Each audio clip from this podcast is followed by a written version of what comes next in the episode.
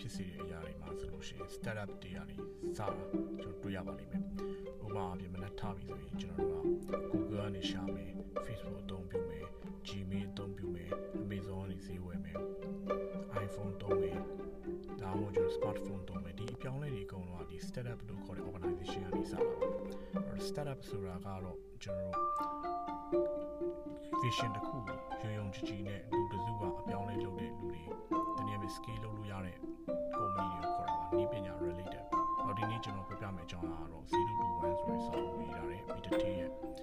startup တွေအတွက် notes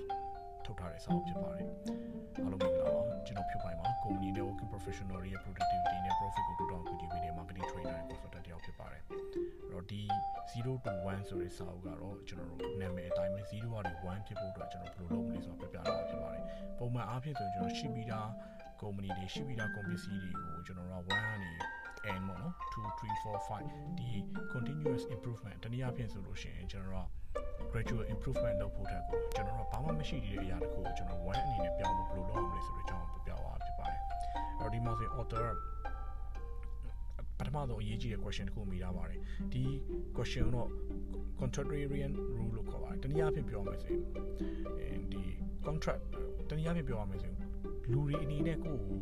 ကိုနဲ့လုံးဝ agree မဖြစ်တဲ့အမှန်တရားတစ်ခုပါရှိလဲဆိုတဲ့အကြောင်းပြောတာပေါ့။အဲ့တော့ contract တနည်းအားဖြင့်ပြောရမယ်ဆိုဒီ rules က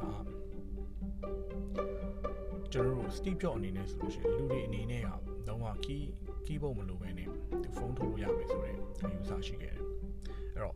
ဒါဒီဒီဥစ္စာ execution တူလို့တယ်အောင်မြင်သွားတယ် Uber ဆိုလဲအဲ့လိုပဲလူတွေအနေနဲ့ကတခြားလူတယောက်ရဲ့မတိရဲ့လူတယောက်ရဲ့ကားပေါ်မှာထိုင်မှမလားဆိုရင်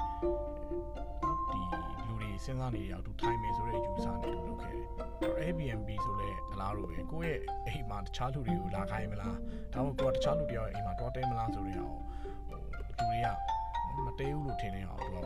တဲတယ်လို့ယုံကြည်ပြီးတော့မှသူ padding လုပ်ခဲ့တယ်နောက်ဆုံးမှသူအောင်မြင်တယ်ဒါဘာလို့ခေါ်လဲဆိုရင်ကျွန်တော်တို့ပထမဆုံးမေးရမယ့် question ကလူတွေအနေနဲ့နော်ကိုယ်နဲ့တဘောမတူတဲ့အရာတစ်ခုရှိလားဒီအမှန်အမှန်တရားတစ်ခုပေါ်မှာတဘောမတူတဲ့အရာတစ်ခုရှိလားဒီ question ကိုမေးမေးရပါတယ်အဲ့တော့နောက် question တစ်ခုကအရင်ကောင်းပါတယ် what's valuable company is nobody building ကပောင်းမှာတန်ဖိုးရှိတဲ့လူတွေမတိဆောက်တဲ့ company ဘာရှိတယ်လဲဆိုတာမေးပါတယ်ဘာလို့လဲဆိုရင် author အနေနဲ့ပြောတာဒီဒုတိယဒီ Mark Zuckerberg အနေနဲ့ကဒုတိယ Facebook လိုမျိုး social network ကိုလုပ်မှာမဟုတ်ဘူးအဲ့လိုပဲ backgate ဒုတိယ backgate အနေနဲ့ကလည်း သူ Microsoft ပေးလို့မှာမဟုတ်ဘူးပြောမယ်ဆိုရင်ကျွန်တော်တို့ကတကယ်ကိုလောကပြောင်းလဲဖြစ်သွားတဲ့ကုမ္ပဏီအများစုတွေကျွန်တော်0ကနေဝင်ဖြစ်လာတဲ့ကုမ္ပဏီဖြစ်ပါတယ်အဲ့တော့ဒီနေရာမှာဆိုရင်သူ lesson learn လေးကိုပြောခဲ့ပါတယ်နံပါတ်1က incremental advancement ပါအဲ့တော့ပုံမှန်ဖြစ်ဖြစ်မှန်မှန် grow ဖြစ်သွားတာကိုသူ ဒီအထက်ကို0ကနေ1ဖြစ်တော့ကိုအရေးကြီးတယ်လို့ပြောပါတယ်နောက်တစ်ခါကျတော့ stay lean and flexible အဲ့တော့တိတိလေးနဲ့ flexible ဖြစ်နေတာတက်စားလို့ရှိရင်သူသူအနေနဲ့ဒီဒီဥစ္စာကြီး speed နဲ့ grow ဖြစ်ဖို့လိုတဲ့အကြောင်းပြောပြတာပါတယ်ပြီးလို့ရှိရင်နောက်တစ်ခါကျတော့ competition တွေကလုံးဝ competition တွေမှာကိုကအနိုင်ယူဖို့ထက်စားလို့ရှိရင်အများဆုံး competition ကိုအနိုင်ယူဖို့စဉ်းစားကြတယ်ဒါပေမဲ့တော့ပြောမှာမဟုတ်ဘူး competition ဆိုတာတကယ်ကို0ကနေ1ဖြစ်ဖို့အတွက်မကောင်း ဘယ်ကကောင်းလဲဆို monopoly ကကောင်းတယ်လို့ပြောတာပါဒီမှာသူပြောတဲ့ monopoly ဆိုတာကျွန်တော် Google ကိုကြည့်လိုက်မယ်ဆိုလို့ရှိရင် search engine မှာသူဒီ monopoly လောက်ထားတယ်အဲ့လိုပဲကျွန်တော် online ကနေ e-commerce မှာဆိုလို့ရှိရင် Amazon monopoly လောက်ထားတယ်အဲ့တော့ဒီလိုမျိုး monopoly လောက်ထားဖို့လောက်ထားခြင်းအကိုယ့်ရဲ့ company ရဲ့ profitability အတွက်လည်းကောင်းလို့အနာဂတ်မှာ အနာဂတ်မှာကျွန်တော်တို့ကပြန်ပြီးတော့မှ society အတွက်ပေးဆက်တဲ့နေရာမှာလည်းပိုကောင်းနေဆိုပြီးပြောပါတယ်အဲ့တော့ပြောရမယ်ဆိုရင်ဒီ Peter Thiel ရဲ့အကြောင်းပဲဒီစာသားကိုပဲ Wall Street Journal Wall Street ကနေသူခေါင်းကြီးပိုင်းနေနဲ့ရေးတာတခုရှိရဲတဲ့ အဲ့ဒါ author ရဲ့ video မှာကျွန်တော်ဒီ podcast မလုပ်ခင်မှာ research ပြန်လုပ်တော့တွေ့ရလိမ့်ပါ competitions for losers ဆိုပြီးရေးတာအဲ့တော့ပြောမယ်ဆိုရင် Peter Thiel ကလည်းပြန်ပြောပါတယ်ဒီ Stanford Stanford မှာသူ talk ပြောရတယ်မှာ competition for is for loser ဆိုတာဘယ်လို loser တွေအတွက်လဲဆိုရင်တကယ်ကိုမကြိုးစားဘဲနဲ့တကယ်ကိုဘာဖြစ်လဲဆိုရင်သူ့ရဲ့အစွမ်းစားအကုန်လုံးထုတ်ပြီး competitive မဖြစ်တဲ့လူတွေအတွက်ပဲဖြစ်ပါတယ်တဲ့တနည်းအားဖြင့်ပြောရမယ်ဆို competition ထက်ကိုသူက domination တနည်းအားဖြင့် monopoly လုပ်ဖို့ပြောပြတာပါတယ်အဲ့ တော့ဒီစောင်းမှာလည်းဒီ monopoly လုပ်ဖို့အတွက်လုပ်လို့ရတဲ့နည်းလမ်းတွေပြောပြတာပါတယ်နောက်တစ်ခုကကျတော့အများစုပြောတာ focus on product product ကိုပဲအာရုံစိုက်လို့ပြောကြတယ်ဒါပေမဲ့ Peter Thiel ကပြောမဟုတ်ဘူးကျွန်တော်ကဒီဥစ္စာတွေမားတယ်ပေါ့နော်ဘာလို့လဲလူများဆို product ကိုပဲအာရုံစိုက် sales ကိုအာရုံမစိုက်နဲ့လို့ပြောကြတယ်ဒါပေမဲ့ Peter Thiel ကပြောလဲဆိုသူ့အနေနဲ့2005မှာဆိုရင်သူ Facebook မှာ invest လုပ်ခဲ့တယ်အရန်သူ့ရဲ့အောင်မြင်ဆုံး investment တစ်ခုလည်းဖြစ်ခဲ့တယ်သူတို့ fan ရဲ့သူတို့ရဲ့ VC fan ရဲ့ပေါ့နော်အလားတူပဲအခု Plantier လို့ခေါ်တဲ့ဒီဒီ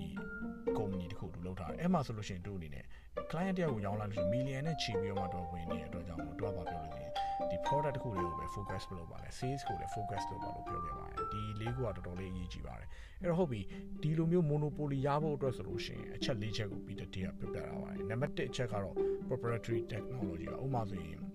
ဒီ proprietary technology ကဘယ်လိုမျိုးဖြစ်မလဲဆိုကျွန်တော်တို့ အမြင်သာဆုံးဆိုလို့ရှိရင်တော့ Google ပေါ့ Google search engine ပေါ့အဲ့တော့ကျွန်တော် Bing မှာတခြားတစ်ဆိုင် Google မှာပဲရှာမယ်ဘာလို့လဲဆိုရင် Google ကရှာရတာ Bing နဲ့အများကြီးကောင်းတယ်စဉ်းစားမကောင်းကောင်းတယ်ပေါ့နော်အဲ့တော့ဒါမျိုး technology ရှိရမယ်အဲဒုတိယကြောင့် network effect ပေါ့ network effect ကိုအသုံးပြုပြီး group ဖြစ်သွားတယ်မှာဆို Facebook ကတော့အမြင်သာဆုံးပေါ့အဲ့တော့လူတွေတုံးနေတုံးနေပုံမှန်မူဒီ group ဖြစ်လာတယ် paper တို့ကတော့အတူတူပဲနောက်တစ်ခါ economy of scale ဒါဆိုလို့ရှိရင် Amazon ကအသုံးပြုသွားတဲ့ပုံစံအဲ့တော့ဒီ economy of scale မှာဆိုရင်ဒီဟာအသုံးပြုတဲ့လူတွေများလေလေကုန်ကျစရိတ်တွေက ကျသွားလေလေပုံမှန်အားဖြင့်ဆိုရင် sofa ဝယ်တော့မယ်ဆိုလို့ရှိရင်ဒေါ်လာ90လောက်ပေးနေရမယ်အဲဟို Amazon ကဝယ်လိုက်တဲ့အချိန်မှာတစ်ခါလေကြားလို့ရှိရင် free shipping လို့ရတာမျိုးသူလုပ်နိုင်တယ်ဘာလို့လဲဆို Amazon အနေနဲ့ economy of scale များများဝယ်လေလေတ unit ချင်းစီကုန်ကျစရိတ်ကကျသွားလေလေဖြစ်တဲ့အတွက်လို့ဒါလေး monopoly ရဖို့အတွက်သူအားပေးပါတယ်နောက်တစ်ခုကကြောင့် brand name ပေါ့ဥပမာဆိုရင်ကျွန်တော်တို့ခုခုပြန်မေးကြည့်ပါတယ်ကပောင်းမှာလုံးဝ style ကြကြ fashion ကြကြ electronic brand ဆိုရင်ဘယ်လိုမြင်လဲ Apple မြင်တယ်အဲ့တော့တော့ဘာလုပ်တာလဲဒါလေး ဒီ branding နဲ့လည်းကျွန်တော်တို့က monopoly လုပ်လို့ရပါတယ်အဲ့တော့ဒီလို monopoly လုပ်တဲ့နေရာမှာတခါလဲ distract လုပ်ဖို့မစဉ်းစားပါနဲ့တဲ့ဘာလို့လဲတူဒီ Napster နဲ့ example ပေးတာ Napster ဆိုတာကျွန်တော် peer to peer ဒီ music sharing platform တခုပေါ့အဲ့တော့အဲ့နေရာမှာဆိုလို့ရှိရင်ကျွန်တော်တို့က Sam Parker တို့ဘာကိုကြားဖို့ပါလိမ့်မယ်အဲ့တော့အရင်တော့ဆို Facebook မှာဆိုလို့ရှိရင်လည်းသူအများကြီးပဲ Facebook ရဲ့ early stage မှာဆိုသူဝင်ပါပြီးခဲ့တယ်အဲ့တော့ Sam Parker ကဘလို့တွားပြီး direct challenge တက်လုပ်လေဆိုရင်ဒီ music industry direct challenge တက်လုပ်တယ်အဲ့တော့ဘာဖြစ်တော့လဲသူဘ လို့ဖြစ်တော့မှလေ Time magazine မှာတကယ် influential လူထဲမှာပါပြီးနောက်တစ်နေ့ကျတော့သူ့ကိုမြင်ဒီဝါလီခံသွားရတယ်။ကြောင့်လို့သူပါပြောလို့ဆိုတကယ်အကြီးတဲ့ competitor တွေကို direct challenge တက်မလုပ်ပါနဲ့တဲ့။ဥပမာဆို paper စတဲ့အချိန်တော့လည်းတို့က ဒီ credit card တွေ visa card တွေဒါတွေကိုတွားပြီး challenge မလုပ်တဲ့အကြောင်းကိုပြပြတာပါတယ်။ပြီးတော့စားတဲ့ချိန်ကျရင်လည်းတေးသေးလေးနဲ့စပါတဲ့။ပြီးမှ monopolize လုပ်ပါတယ်။နောက် Amazon နဲ့ကျွန်တော်ကြည့်လို့ရတယ်။ Amazon စတဲ့အချိန်တော့ဆို everything store အနေနဲ့မစားခဲ့ဘူး A to Z အနေနဲ့မစားခဲ့ဘူးသူဘယ်လိုအနေနဲ့စားလဲဆို niche market အနေနဲ့စားခဲ့တယ်သူနေ book store တွေ book store တွေရင်လုပ်တယ်ဒီမှာစင်တူ group ဖြစ်လာတယ်ဒါတော့တော့ဘာပြောလဲဆိုရင် the let's will be the first ဆိုပြီးမှသူပြောပြလာတယ်ပြီးတဲ့တည်းကဘာလို့လဲဆိုရင်အရှိမ နော်ကျွန်တော်တို့လောက်သွားတဲ့လူကအမားတွေအများကြီးလုပ်ပြီးသွားကိုက niche market ကနေဖြည်းဖြည်းချင်းတည်တက်လာတဲ့အချိန်မှာကိုမှ landing phase တွေအများကြီးရတယ်လို့ကြောင့် monopolize လုပ်ဖို့လုပ်ဖို့ကျွန်တော်တို့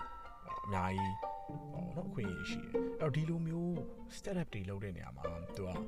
ဒီ VC အကြောင်းတွေလည်းပြောရတယ်ဒါပေမဲ့ကျွန်တော်နောက်ဆုံး sharing လုပ်ချင်တဲ့အကြောင်းကတော့ secret ဖြစ်ပါတယ် secret ဆိုတာတခြားလူတွေမှာမရှိဘဲနဲ့ကိုယ့်ကုမ္ပဏီမှာရှိ secret ကဘာဖြစ်မလဲ ပုံမှန်အားဖြင့်ဆိုလူတိုင်းသိနေရ easy ဖြစ်တဲ့အပိုင်းတွေရှိတယ်တချို့ကြောင့်မဖြစ်နိုင်တဲ့ misery တွေရှိတယ်ဒါပေမဲ့ကိုယ့်ရဲ့ company secret ကဘာဖြစ်လဲအဲ့တော့ဒီလို secret ကိုတီးဖို့အတွက်ဆိုလို့ရှိရင်ကိုယ့်ကိုမေးရမယ့် question တွေရှိတယ်အဲ့ဒါကတော့ဘယ် what's valuable company is nobody building ဘယ်လိုမျိုးတန်ဖိုးရှိတဲ့ company လူတွေမတိဆောက်တဲ့ company ရှိလားဒီမိကုံမေးကြည့်ပါတယ်ဒါအရင်ရေးကြည့်ပါအဲ့တော့ Peter T တိဆောက်ထဲမှာဆိုလို့ရှိရင် question 3ခုတူမေးတာကျွန်တော်တော်တော်တော့ကြားပါတယ်နံပါတ်1ကကြောင့် မန်မန်ပြီးတော့မှလူတွေကိုလည်း agreement ဖြစ်တဲ့အရာတစ်ခုရှိလားနံပါတ်2ကကြတော့တန်ဖိုးရှိလူတွေမတိဆောက်တဲ့တန်ဖိုးရှိဆုံး company ခုဆိုရင်ဘာဖြစ်မလဲနောက်တစ်ခုကတော့ကိုယ့်ရဲ့10 year plan ကို6 month နဲ့ဘယ်လိုကောင်းတယ်ပုံလဲဆိုတော့